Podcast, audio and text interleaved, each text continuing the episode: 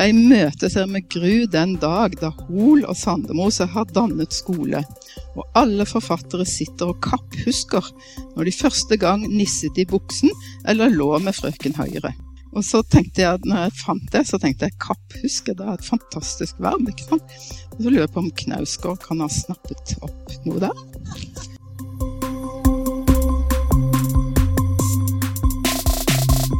God eh, lørdag formiddag og velkommen til vårens siste litteraturlørdag.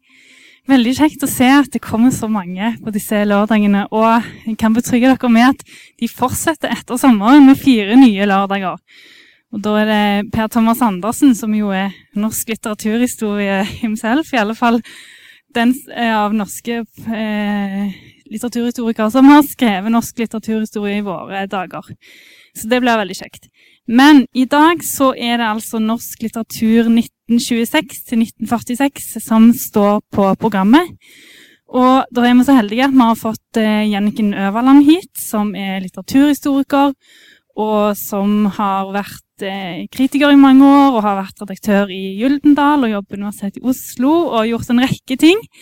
Og ikke minst så kommer jo òg fra Stavanger, så det er jo veldig kjekt. Uh, Mitt første møte med Janniken sitt navn det var når jeg studerte nordisk og holdt på med norsk kvinnelitteraturhistorie. Og eh, ikke minst så har jo eh, Janniken eh, skrevet om Kåre Sandel, som jo er en av forfatterne som er viktige i denne perioden. Og det er jo mange folkekjære diktere, eh, og særlig en del poeter, som blir viktige i disse tiårene. Og ikke minst så kommer det jo òg en verdenskrig som får stor betydning òg selvfølgelig for litteraturen. Så jeg gir ord til deg, Janniken. Velkommen og vær så god.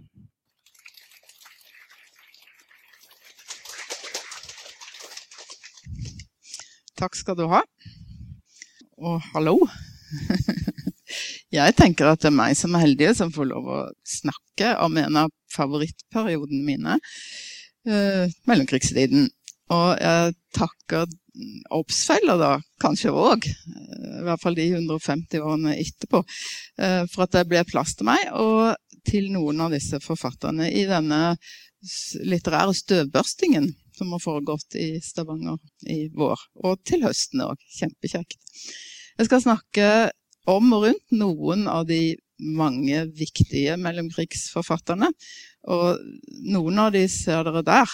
Eh, men i tillegg på min liste så kommer Inger Hagerup. Men hun, det var vel for smalt til å få med henne, antagelig. Men jeg må jo snakke om noen andre òg, selvfølgelig. Eh, i fremstillingen av litteraturhistorien, eh, så er de mest, det mest dominerende trekket i perioden, altså de 20 årene, er ganske store, ganske så nyrealistiske romaner skrevet av ganske så etablerte forfattere. Undset, Dun, Sandemose, Falkberget, Gulbrandsen og flere. De skal jeg ikke snakke om. Men de er på en måte den bakgrunnen for mye av det jeg skal snakke om. Fordi det er Eh, absolutt, i hvert fall ganske lenge i de 20 årene, en tid for romaner. Men jeg skal snakke om romaner av noen andre forfattere. Men først skal jeg snakke litt om den historiske virkeligheten. Eh, 30-årene er jo virkeligheten dramatisk nok. Økonomiske krisetider, arbeidsløshet, politisk uro, Norge og verden, opptrapping av fascistiske og nazistiske bevegelser i det nære Europa. På det hverdagslige planet i Norge så hvor der, altså på det hverdagslige planet, hvor det meste av norsk litteratur har røttene sine, eh, betyr, der betyr det at f.eks. i 29 så var det 4463 tvangsauksjoner. Og det hadde økt med 70% fra 25, altså på fire år. Banker ble satt under administrasjon, og arbeidsløsheten var høy, og høyest i 33. Da var 33,4% av fagforedlingsmedlemmene arbeidsløse. En tredjedel, altså. Dessuten var det masse arbeidskonflikter. Mye av den typen statistikk rommer ikke eller sier veldig mye mindre om kvinneliv enn om menns liv, selv om det økonomiske selvsagt rammer alle kjønn. Men yrkesprosenten for kvinner, alle kvinner, synker fra 20 til 40, og er på sitt laveste i 40 med 26 et par fakta til om grunnlaget for hverdagslivet og kvinnelivet i mellomkrigstiden. I 1900 var det et kvinneoverskudd som var på Det var 1064 damer på 1000 menn. Men i 1917 Nei, i 1939, altså i slutten av denne perioden, så var det, ba, var det bare 1017 damer på 1000 menn. Dødeligheten blant menn var høyere, og menn emigrerte mer. Eh, og kvinneoverskuddet var høyest i byene, der peppermøene de ble kalt der, de var et synlig fenomen. Frem til 30-tallet så var giftermålsalderen høy, og i 30 så var 43% av kvinner ugifte. Så økte giftingen, for det gikk litt bedre i 30-årene, og ekteskapsalderen sank. Det ble flere menn til de kvinnene. Eh, eh, og så økte levestandarden. Og det er jo litt rart, ikke sant? men i, utover i 30-årene økte det. Mann eller menn fikk råd til å fø en familie, og ved krigsutbruddet var arbeidsledigheten mye lavere. Og så sank barnetallet fra fem barn i familien i 19 til fire 1900, til fire i 1920 og til 2,5 i 1930. Det er krympefamilier, altså, rett og slett. Eh, og det var mindre behov for barnearbeid, så folk fikk flere barn. Og de drev en slags prevensjon, selv om det egentlig ikke var så mye prevensjon. Men vi vet jo egentlig hva de gjorde. Um, husholdningens størrelse sank altså. Husarbeidet gikk fra det vi kaller et forrådshushold, hvor alt lages hjemme, til et forbrukerhushold. Og husmoren ble en forbruker.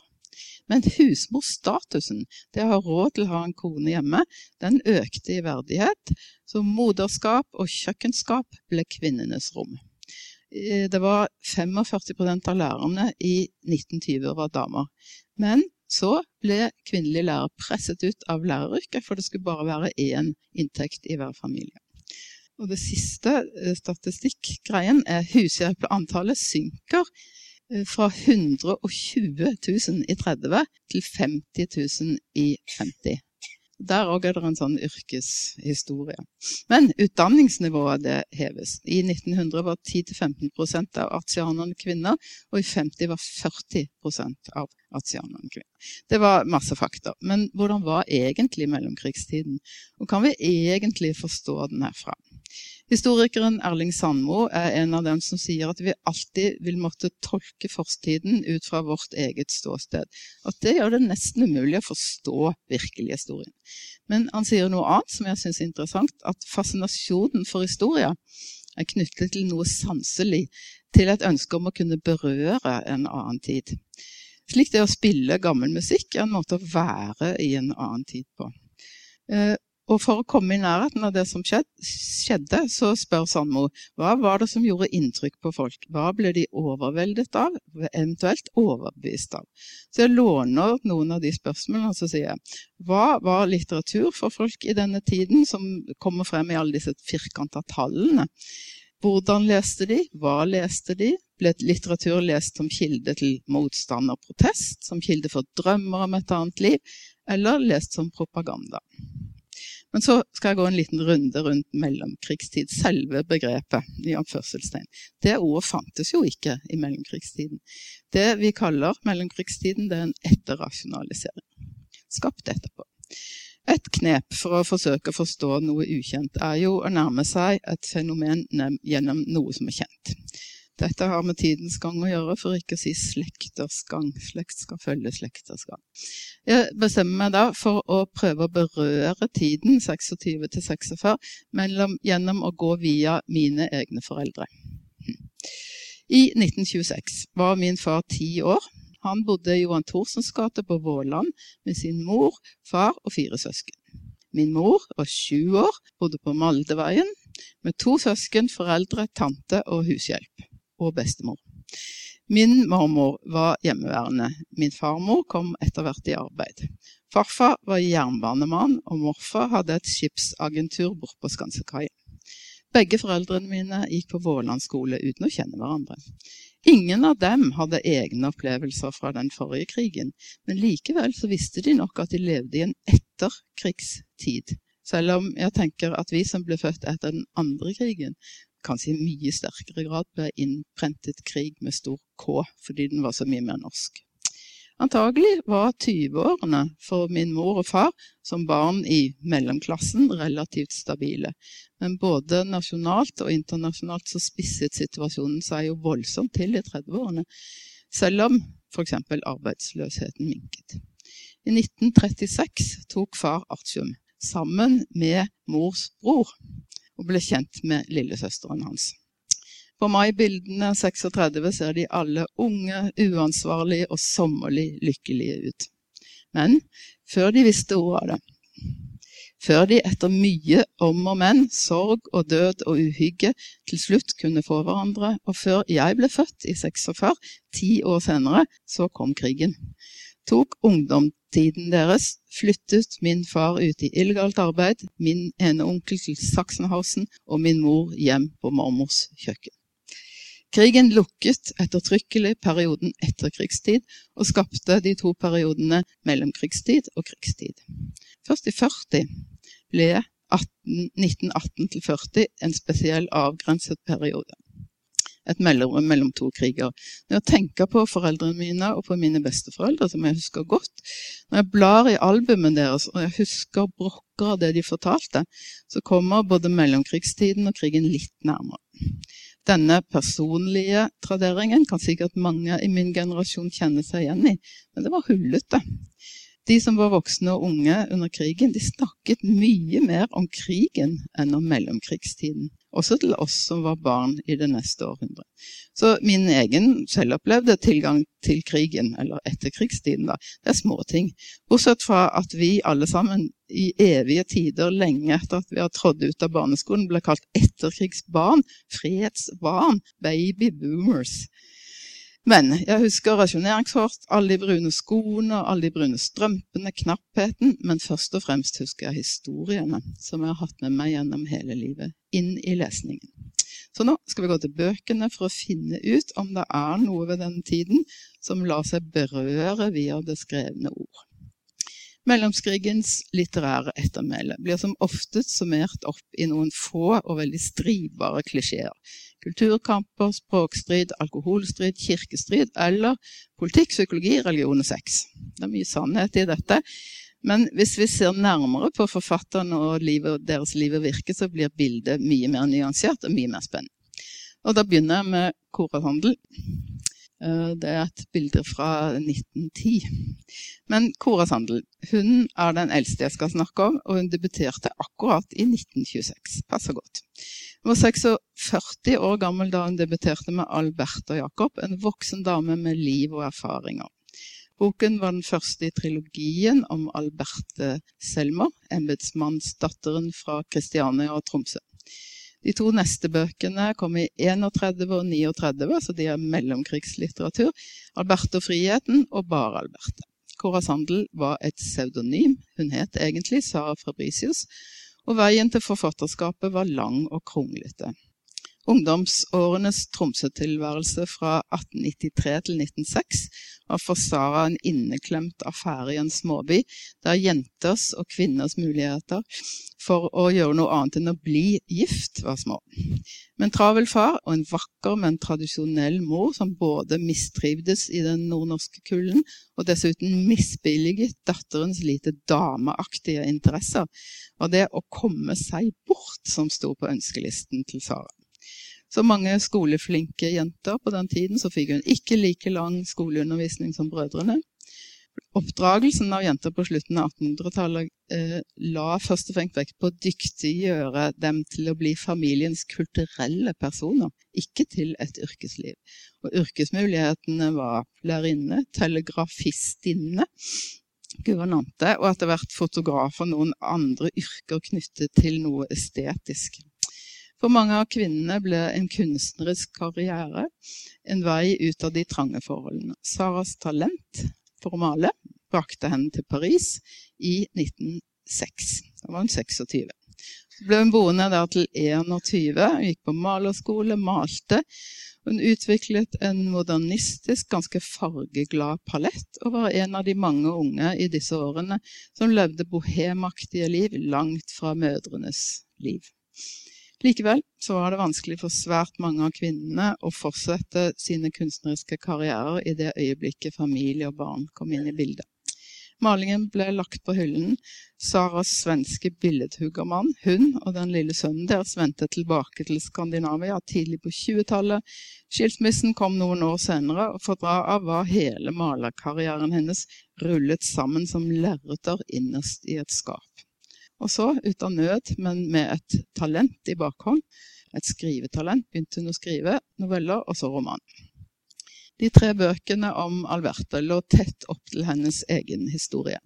Men hun hadde brukt nesten 30 år på å gjøre den om til litteratur, og inkorporert erfaringene sine, malerblikket for detaljene og nyansene, og så had, fant hun en stil som var særpreget. Bøkene er skrevet i presens, som er sjelden i romaner, men det skaper et eget nærvær og en innlevelse. Men det er den flimrende, flytende tidsgjengivelsen som er forfatterens Sandels særmerke.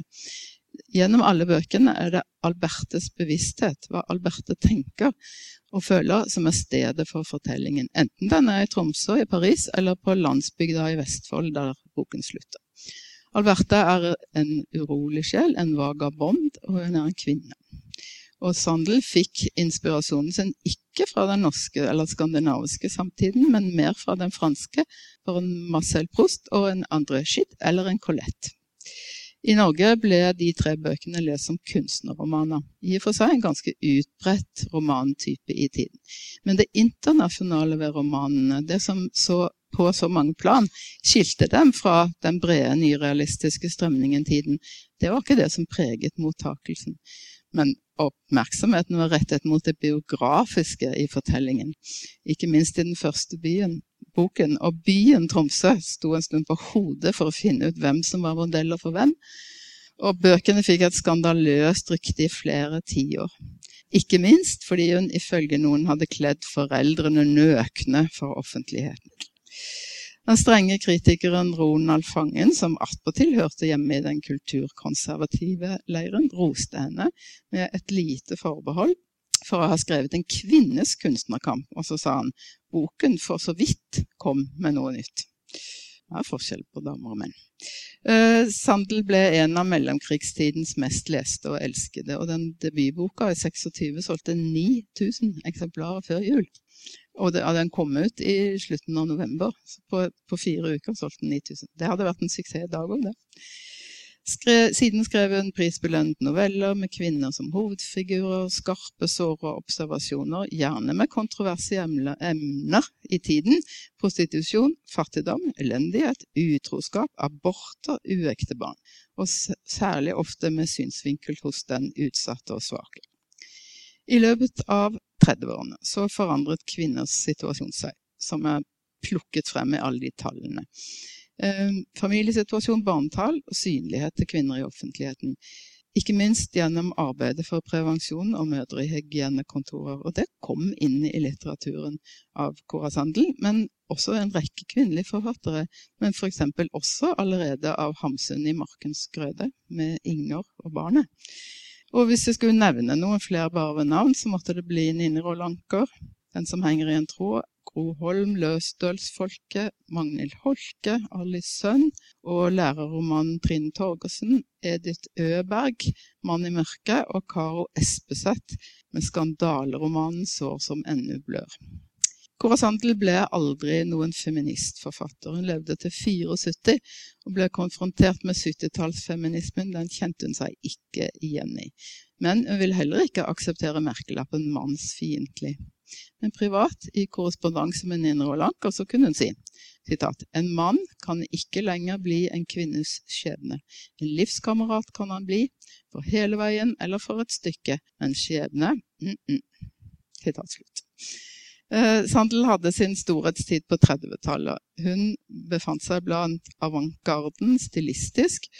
På tross av litteraturhistorien fortrinnsvis har plassert henne som lavmælt og som en skildrer av kullskjære sinn, så var hun tydelig litterært til stede i samtidens aktualitetsbilde, og ble lest både da og senere. så dukker det opp tre mannlige forfatternavn. Og de dukker alltid opp eh, hvor som helst du søker hvis du googler 'mellomkrigstid pluss litteratur'. Og hvis kilden din er kortfattet, så kan du risikere at det er det eneste som står, og det handler om dem. Arne Føreland, Helge Krogh og Sigurd Hoel, det såkalte radikale trekrøver. De er jevngamle, født rundt 1890, og de dør alle tre på 60-tallet. De er forfattere av lyrikk, roman og skuespill, og veldig energiske samfunnsdebattanter på den kulturradikale siden. Det finnes en tegning av dem som er trehodet troll. Den andre siden, de kulturkonservative, var ikke så liksom, organiserte. Men der er eh, f.eks. Ronald Fangen, Sigrid Undset og teologen Ole Hallesby, som tok stor plass eh, inni der. Men disse, dette trekløveret da, de var kritiske til samtidsfenomener, de var for engasjert litteratur, de advarte mot nazisme.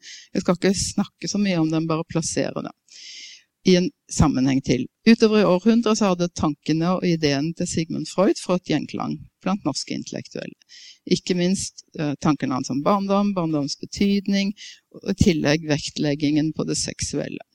Øverland, Hol og Krog var alle svært opptatt av Freud, og ikke minst av psykoanalysen. Men det er lettere å spore det som hadde med psykoanalyse å gjøre, enn det som hadde med politikk å gjøre i bøkene deres. Og så ble bøker om såre og vanskelige barndommer en ny og tydelig trend, med Hoels 'Veien til verdens ende' som en veldig mye lest bok. Mens det var to andre Hoel-romaner, nemlig 'Synder i sommersol' fra 27 og 'En dag i oktober' fra 31, med mye Freud-rester i, som ble skyteskive for fordømmelsen fra kristelig konservativt hold. I 31 så ble de karakterisert som en skitten strøm som flyter utover landet, og det sies at de ble fordømt fra atskillige prekestoler. Eh, det var Hol, og så var det hun som vi ikke vet så mye om, som het Karo Espeseth. Eh, sår som ennå blør. Det handler om en krigsskadd sadist med psykiske problemer. Ble, de to ble beskrevet som smusslitteratur. Og Rolf Stenersens uh, debutnoveller, også i 31, 'God natta du', det var også smusslitteratur. Men altså, man kan like gjerne lese denne seksualåpenheten som en side av det arbeidet som er gjort, f.eks. i legekretser for å spre seksualopplysning, sånn Carl Evang gjorde. Tett på Sigurd Hoel så fantes det en litt yngre forfatter som kom til å spille en mye tydeligere rolle i det politiske bildet, nemlig Nordahl Grieg. Eh, eh, født i 1902, altså noen år etter disse gubbene. Bergenser, filolog, journalist, lyriker, romanforfatter, flyver og helt. Grieg var broren til Gyldendal Forlags legendariske sjef Harald Grieg, den første norske sjefen i Gyldendal. Og Harald Grieg var Sigurd Hoels sjef. Noe av ironien i dette ligger at 50 år senere så fikk jeg Sigurd Hoels jobb. Men det skal jeg ikke snakke om. Eh, Hoel var den årvåkne redaktøren som fant nye norske talenter, og som fant også og var veldig tidlig ute til å oversette internasjonale klassikere i den såkalte gule serien. Men i forlagets nærhet der var også den dyktige, men grå eminensekonsulenten. De som aldri skriver under med sitt eget navn, bare konsulent. Eh, han ble den rastløse Griegs fortrolige. Det var disse to, Grieg og Lie, som under pseudonym skrev et kapittel hver og det, av det som i 23 man mener startet trenden med norsk påskekrim. Eh, de gjorde det bare for å tjene penger. og Det het 'Bergenstoget plyndret i natt'. Og forfatteren het da pseudonymet Jonathan Jerv. Og reklamen for boken som sto på første siden av avisen, fikk folk til å tro at toget var plyndret. Det var det ikke. I brev mellom Grieg og Lie så finner vi veldig klare uttrykk for Griegs syn på det overtaket psykoanalysen og personlige skjebner hadde fått på den norske mellomkrigslitteraturen. I 33 skriver han om romanforfatteren Sigurd Kristiansen en eneste forrykende gråhet. Om lyriken Gunnar Reis-Andersen sier han har han lest med gru. Om de første 50-60 sidene av Sandemose en flyktning krysser sitt spor, sier han det var merkelig nok ingenting. Og så bobler han nesten over av skadefro når han nærmer seg sin og Lis felles venn, Sigurd Hoel. Sitat. Jeg imøteser, og dette er Grieg, altså, Nordahl. Jeg imøteser med gru den dag da Hol og Sandemose har dannet skole, og alle forfattere sitter og kapphusker når de første gang nisset i buksen eller lå med frøken Høyre. Og så tenkte jeg, når jeg fant det, så tenkte jeg kapphuske, det er et fantastisk verb. ikke sant? Og så lurer jeg på om Knausgård kan ha snappet opp noe der? Men uten tvil så skaffet Grieg seg også mange trofaste lyrikklesere til, ved å bidra ved det vi må kalle sentrallyrikken i mellomkrigstiden. Eller kanskje det burde kalles hans fredslyrikk. Eh, fra samlingen 'Norge i våre hjerter' er det det uguddommelig lette kjærlighetsdiktet 'Sykkelstyret' som slutter sånn. De går på veiene ganske tause, med hjertet fylt av hva begge vet, mens neven knuger det blanke nikkel, o sykkelstyre, o kjærlighet. For en ung nasjon som Norge ennå var, og som hadde latt seg sjarmere i senke tiår av Vildenvei og Olaf Bull, så var denne lekenheten med språket og det urnorske i bildene til stor glede. Grieg var en globetrotter som dro ut, samlet erfaring, brakte inntrykk hjem, Sovjet, Kina, Finnmark. Sjømann, polemiker og politisk aktivist. Så skrev han lyrikk, og han skrev en veldig kontroversiell roman om sjømenns liv i 24, var det, som solgte i 10 000 eksemplarer. Men det var lyrikken som gjorde han populær. Han var en handlingens mann. Han fant seg et ståsted i den russiske marxismen, og til og med i den stalinistiske. Han tok avstand fra Sofra-radikalerne i Oslo og angrep dem for å være godtroende humanister, og da ble han ganske alene. Så skrev han den ujevne romanen 'Ung må verden ende være'. Eh, den har hentet tittelen fra et Wergeland-dikt. Eh, høy patos. Så hadde han internasjonale perspektiver og handling fra Spania og Moskva. Og han gjennom verket så forsvarte han tydelig både Moskva-prosessene og Stalin. Så kommer det et skuespill i 37 om Paris-kommunen. Der lider heltene nederlag. Og erkjennelsen i det Det var et stort stykke, veldig suksess på Nationaltheatret. Erkjennelsen der er at frihet ikke kan vinnes med mildhet, og at egen hårhet må matche motstanderens. Og kjernen i stykket ligger i å forstå at fred ikke er noe man eier, men noe man må erobre hver dag. Og den siste setningen i stykket er sånn, om fred og uro. Eh, Besley er en av figurene i stykket, og setningen er sånn Freden, Besley, må være den mest hvileløse i verden. Altså fred er ikke ro, men uro i kampen for å beholde freden. Han var veldig omdiskutert i mellomkrigstiden, personlig og ideologisk. Da krigen kom, fikk han og tok selv en plass som helt, litterær helt, krigshelt og ung død. Til tider ble han nok både idealisert og idolisert. Jeg fikk plutselig et lite glimt av det da jeg i min svigermors bokhylle kom over den utrolig rosende, lille, tynne boken som Johan Borgen skrev om Nordahl Grieg i 45. På første side i den boken der står det en dedikasjon. Det er en fødselsdagshilsen til min den gang 20 år gamle svigermor fra en av hennes venninner. Så det var en flott ungpikepresang, altså. Så Norda Grieg var både en av de unge som hadde hatt nok med å dø, men en som levde videre i neste generasjons unge gjennom tekstene. Eh, fra første krigsdag i 40 engasjerte han seg både mm, faktisk og eh, litterært. Han var med på å smugle Norges Banks gullbeholdning gjennom de tyske linjene. Knyttet navnet sitt på en ærefull måte gjennom bildene av Norge, av landet, folket, flagget og våren. F.eks. i det evige diktet 17. mai 1940, som begynner sånn, og som var fremme her i forrige uke. Var det denne uken? Ja, det var det. I dag står flaggstangen naken blant Eidsvolls grønnende trær, men nettopp i denne timen vet vi hva frihet er. Grieg styrtet med et britisk fly i 43, og posthumt kom det flere samlinger og dikt. Og kanskje, kanskje er det diktet til ungdommen som har hatt størst overlevelsesevne med sin intense oppfordring og optimistiske appell til nye generasjoner.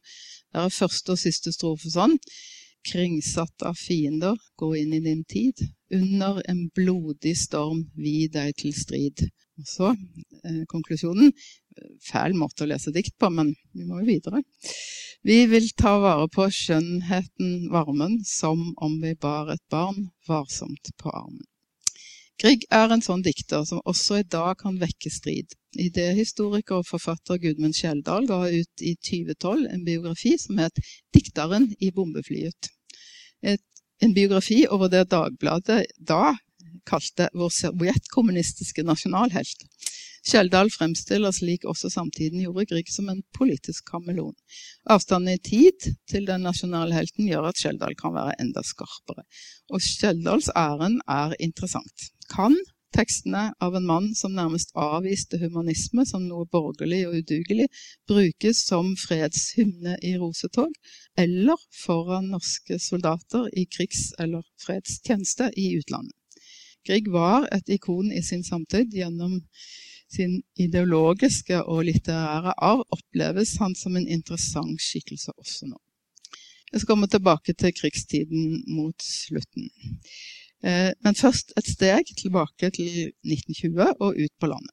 I 1920 hadde landet 2,6 millioner innbyggere, og mindre enn 45% bodde i tettbygde strøk. I dag bor mer enn 72% i tettbygde strøk, så det var et annet land.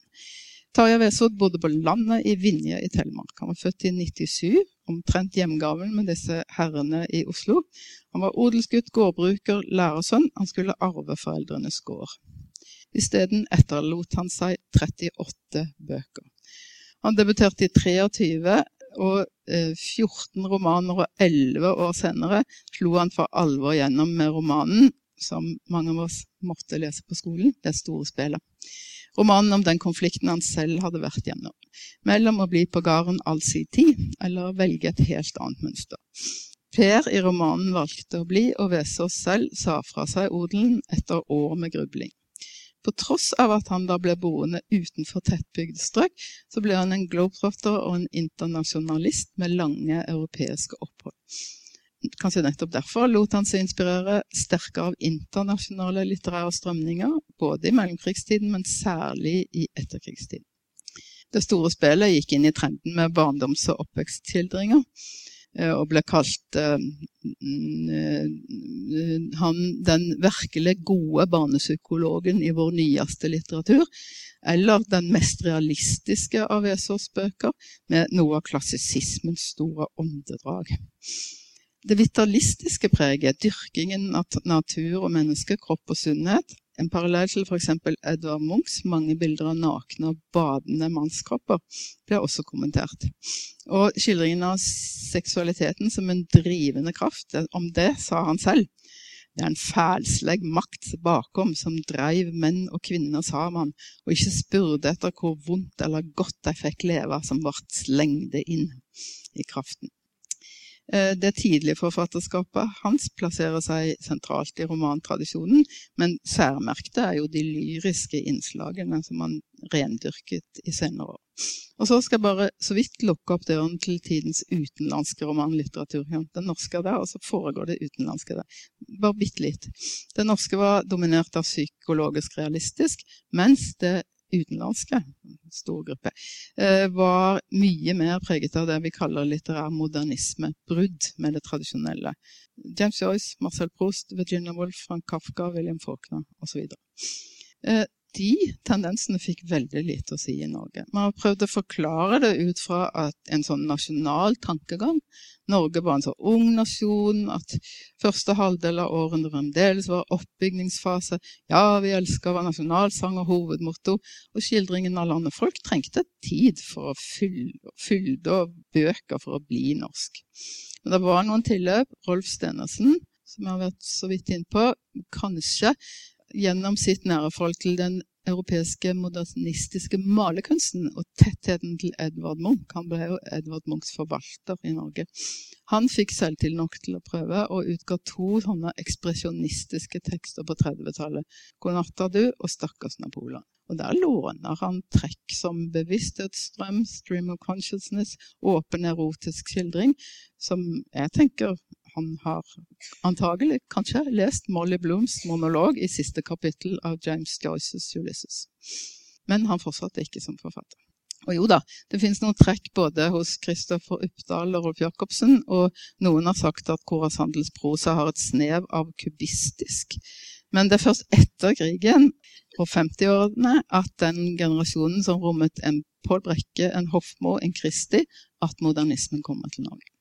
Men noe som skjedde i 1940, var at Tarjei Vesaas, den norske skal alle, ga ut boka 'Kimen', som var en allegorisk, er en allegorisk roman om kampen mellom destruktive og oppbyggelige krefter.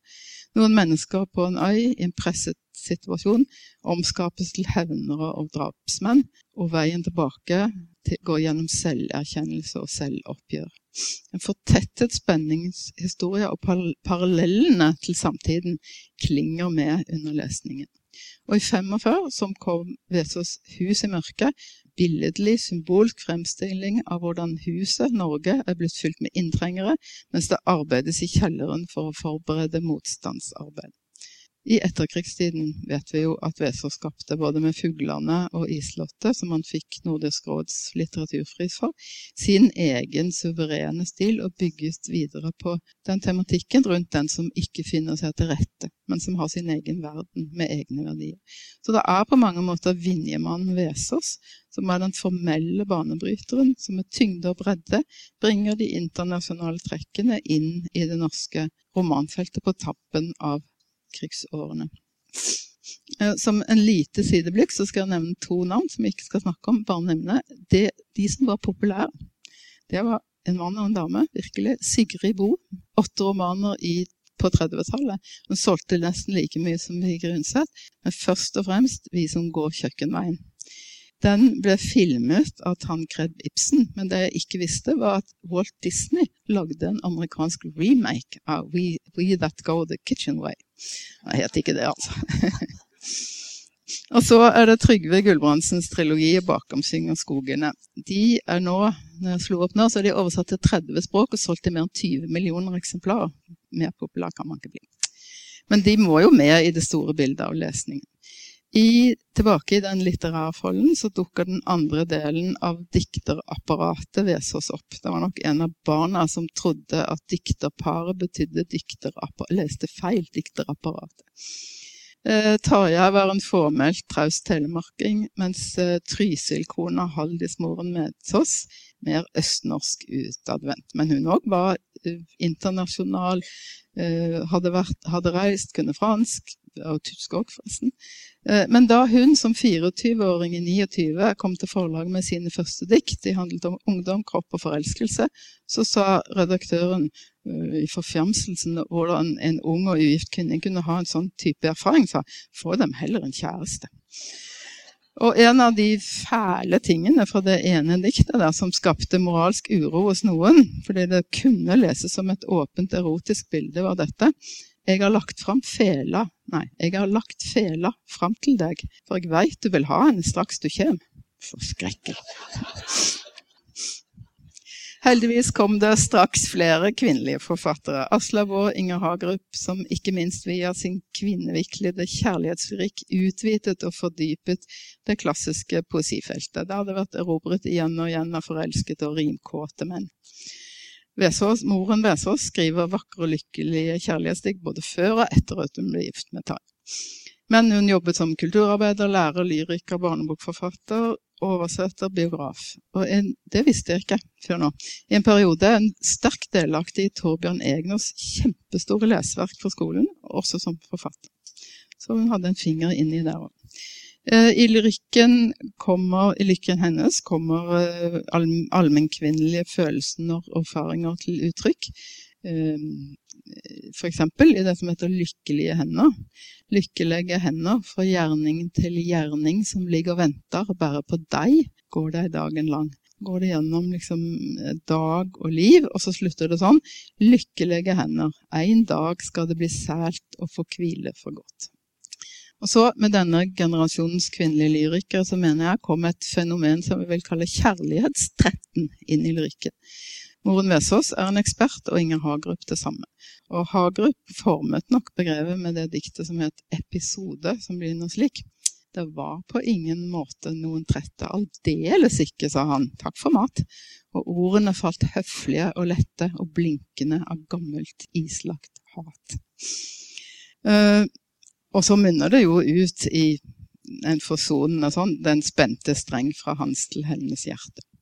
Og Vesås, moren Vesås har noe av det samme i det som heter ord over grind. Du går fram til mi innste grind, og jeg går fram til di. Innenfor den er hver av oss ensom, og det skal vi alltid bli. Den nye kvinnelige subjektelyrken ble tatt vel imot, men innholdet i diktene ble samtidig plassert i en egen bås som kvinneerfaringer. For når Vilden var i Bull og Grieg og andre skrev kjærlighetsdikt, ble de klassifisert som sentrallyrikk. Så kvinnen var fremdeles det andre kjønnet, begrepet fra Simone de Beauvoirs bok fra 49, både i litteraturen og liv. Eh, så har moren Vesaas et fantastisk både forfatterskap og oversetterforfatterskap i etterkrigstid. Selv om hun hadde en pause på 40 år fra å skrive lyrikk, fordi Tarja begynte å skrive lyrikk, og så skrev hun en ny diktsamling da hun forelsket seg som godt voksen, gammel enke i en ny mann. Og da kommer det en ny kjærlighetssamling. Eh, hun dekket så å si hele århundrets kvinneliv i ord. Født i 1907 og død i 1995. Det kaller vi et århundre. Nesten det samme kan sies om Inger Hagerup, som det er ikke bilde av, som levde fra 1905 til 85. Hun har òg størstedelen av forfatterskapet sitt etter krigen, bl.a. barnebøker. Men eh, debutboka kom i 39. Hun var selvlært vestlending, radikal, hadde gått omveien rundt sekretærjobbing og skuespillerambisjoner. Hun møtte fordommer mot kvinner som ville noe annet enn bli gift. Eh, en mulighet som kanskje heller ikke var åpen for henne etter at hun klippet håret helt kort, altså før 40, og fikk høre en pike med kort hår blir aldri gift. Og eh, når han skulle komme og prøve å bli skuespiller, så sa noen man må være pen hvis man blir skuespiller. Det måtte man, altså. Og så sa, sier hun når hun skriver om memoarene sine, eh, at det var hindringer. Og hun sier sitat, inni skolten min sto det en evig kamp mellom det jeg kalte min forstand, alt det rusk og rask kvinnene gjennom mangfoldige generasjoner hadde vært nødt til å sope ned i underbevisstheten, og som kunne virvles opp igjen for et godt ord. Eh, eh, den første diktsamlingen 39 het 'Jeg gikk meg vill i skogene'. Og der er liksom den lette, rimende, underfundige Hagerup-stemmen til stede med én en eneste gang. Den ble veldig godt mottatt, og et par år inn i krigen så fikk hun en henvendelse fra okkupasjonsmaktene som gjerne ville oversette diktene til tysk. Hun stilte da et diplomatisk spørsmål om f.eks. det diktet som het 'Pesten', som handler om pesten som gikk over Europa med svarte flagg og diktatorer. Om ikke det var for demokratisk. Og Da sa tyskeren ja, ja, nei, selv det, det skulle jo ikke være med. Jeg skulle være med. Men hun sa nei, da. Og så rømte hun til Stockholm under krigen, hvor det dannet seg et sånn norsk forfatterskap med, med Hagerup, Hoel, Krogh, Sandemose og Kora Sandel og Johan Borgen og noen til. Og Hagerups mest berømte dikt er jo Øst, Austvågøy, med stro, første strofen De brente våre gårder, de drepte våre menn, la våre hjerter hamre der om og om igjen. Det ble eh, anonymt gjennom krigen. Mange trodde at de visste at det helt sikkert måtte være Nordahl Grieg som sto bak, men det var det ikke.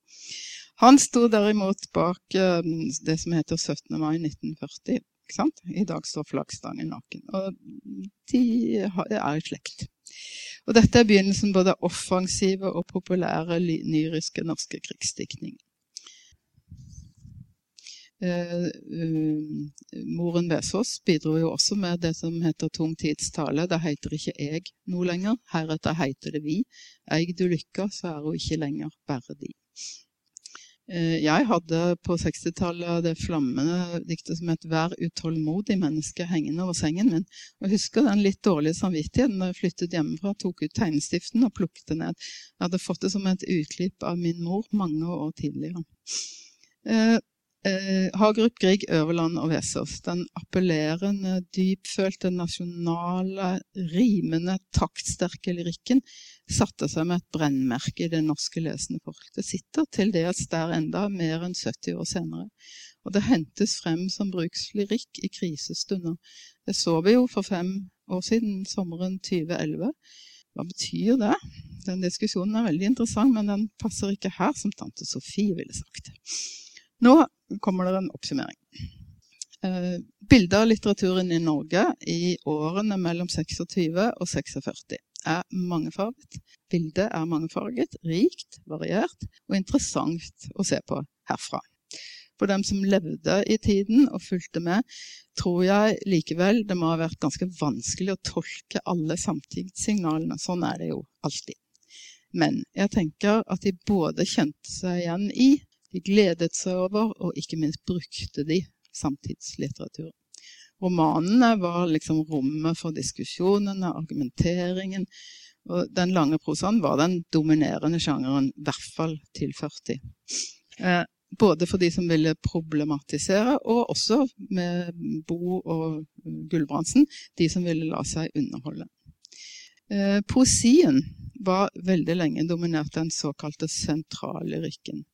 Eh, den, altså, og fra lenge før denne perioden. Den klassiske, vellydende, rimete formen som gjorde den både sangbar og huskevennlig, ikke minst det siste. Kvinneperspektivet i den formen fikk òg en sterk blomstring. Skapte både et nytt poetisk jeg, før hadde jeg vært en mann. Skapte et nytt blikk på ting og verden, og på menn. Og det skapte nye gjenkjennelser, antagelig hos kvinnelige lesere, og nye lesere. Utover i 30- og ikke minst i 40-årene så fikk det lyriske uttrykket en helt annen valør. Antakelig er det Arne Førelands 'Du må ikke sove' må ikke tåle så inderlig vel, og hele den der. Fra 37, det mest ikoniske førkrigsdiktet. Så i krigsårene så blomstret diktene fram til det dominerende og helt nødvendige kulturuttrykket. Det at de spredde diktene eh, liksom De kom ikke ut i bøker, de kom ut skrevet på lapper som ble delt og båret rundt. Først etter krigen så kom den lange prosaens krigs- og krisebehandling. For meg er noe av det mest interessante i perioden at de kvinnelige stemmene kommer mer og mer til uttrykk, både i samfunnet og i litteraturen. Som en berikelse, som et tillegg, og som en økning både av litteraturens realismepotensial alle de sakene liksom, fra innledningen, alle fakta, opplysningene om alle de faktaene. Og altså, både litteraturens realismepotensial og dens fantasipotensial. Noen andre drømmer. At mitt blikk da har vært filtrert gjennom noen utvalgte navn, har selvsagt bidratt til en sånn tolkning, men jeg tror at det med et mer utvidet materiale ville også vært en av konklusjonene. Siden litteraturhistorie i kortform, ofte begrensa til å snakke om den kulturkampen i Oslo. Eh, Sigurd Hoel skrev til og med en bok som heter 'Sesam Sesam', som foregikk liksom mellom teaterkafeen og noen av de andre kafeene. Eh, selv om den begrenser seg til det, så vil jeg avslutte med et siste kvinneblikk. Og det er Inger Hagerups dikt, skrevet i etterkrigstid til Sigurd Hoels 60-årsdag i 1950. Det ble refusert til festskrift av denne før Nils Lie. Men uh, Inger Hagerup leste det for Sigurd Hoel senere. For jeg leser det som enda et bilde på og en fortolkning av en sammensatt tid. Og Diktet heter, det står i, i samlede dikt til Inger Hagerup, 'Nærgående brev til Sigurd Hoel og hans tid'. Hun er jo da yngre, ikke sant, så hun kan. Legg din maske ned et sekund, Sigurd Hoel på et av de mange ødslige Oslo-kafébord fra mellomkrigstiden, der hvor ordene falt presise som øksehugg, snerrende av logikk, og hver mann var aforistiker av fag. Teaterkafeen Speilen, Karl Johan, skjønne kvinner som krevde rett for sitt kjønn og fikk det, de andre var uten interesse. Fra hjernen til kjønnet gikk en direkte linje, men utenom hjertet, for Guds skyld, utenom det. Sarkasmene boblet kjølig fra pjolterglasset, og tidens enkle devise var drift og forstand. Legg din maske ned et sekund, Sigurd Hoel. Da skimter vi bak de urbane 60-årstrekk Erasmus Montanus, vårt første bygdegeni, den hjemløse intellektuelle, den rene forstands lidenskapelige, fortvilte forsvarer, en tragisk person fordi han svek sitt miljø. Jeg kjenner ham godt, det er en tremenning av meg. Men også han bærer maske. Og aller underst lever en bondegutt, åpen, nysgjerrig, gløgg, et søskenbarn av Per Gynt og Askeladden, som vet at tusser og troll og dævler er til, og sindig rekker luft, i, i, luften en finger med spytt på når han skal granske aspekter for vær og vind. Forsiktig, sett masken på deg igjen, Sigurd Hoel, det er bestandig for mange folk i kafeen. Jeg tenkte at diktet viser for det første det kritiske kvinneblikket på flosklene om hva kulturen i mellomkrigstiden var. Samtidig så sier diktet noe klokt om at de norske forfatterne, nesten alle, kom fra landet, at de var en slags bondestudenter når det gjaldt bykultur, at de hver for seg brakte med seg mye verdifullt fra den gamle norske kulturen inn i 1900-tallets urbane og etter hvert mer internasjonale kultur. Og at perioden selvsagt også rommer et forvarsel om både den formelle og den innholdsmessige moderniseringen som kom til å skje voldsomt i litteraturen og i virkeligheten i etterkrigstiden. Takk for meg.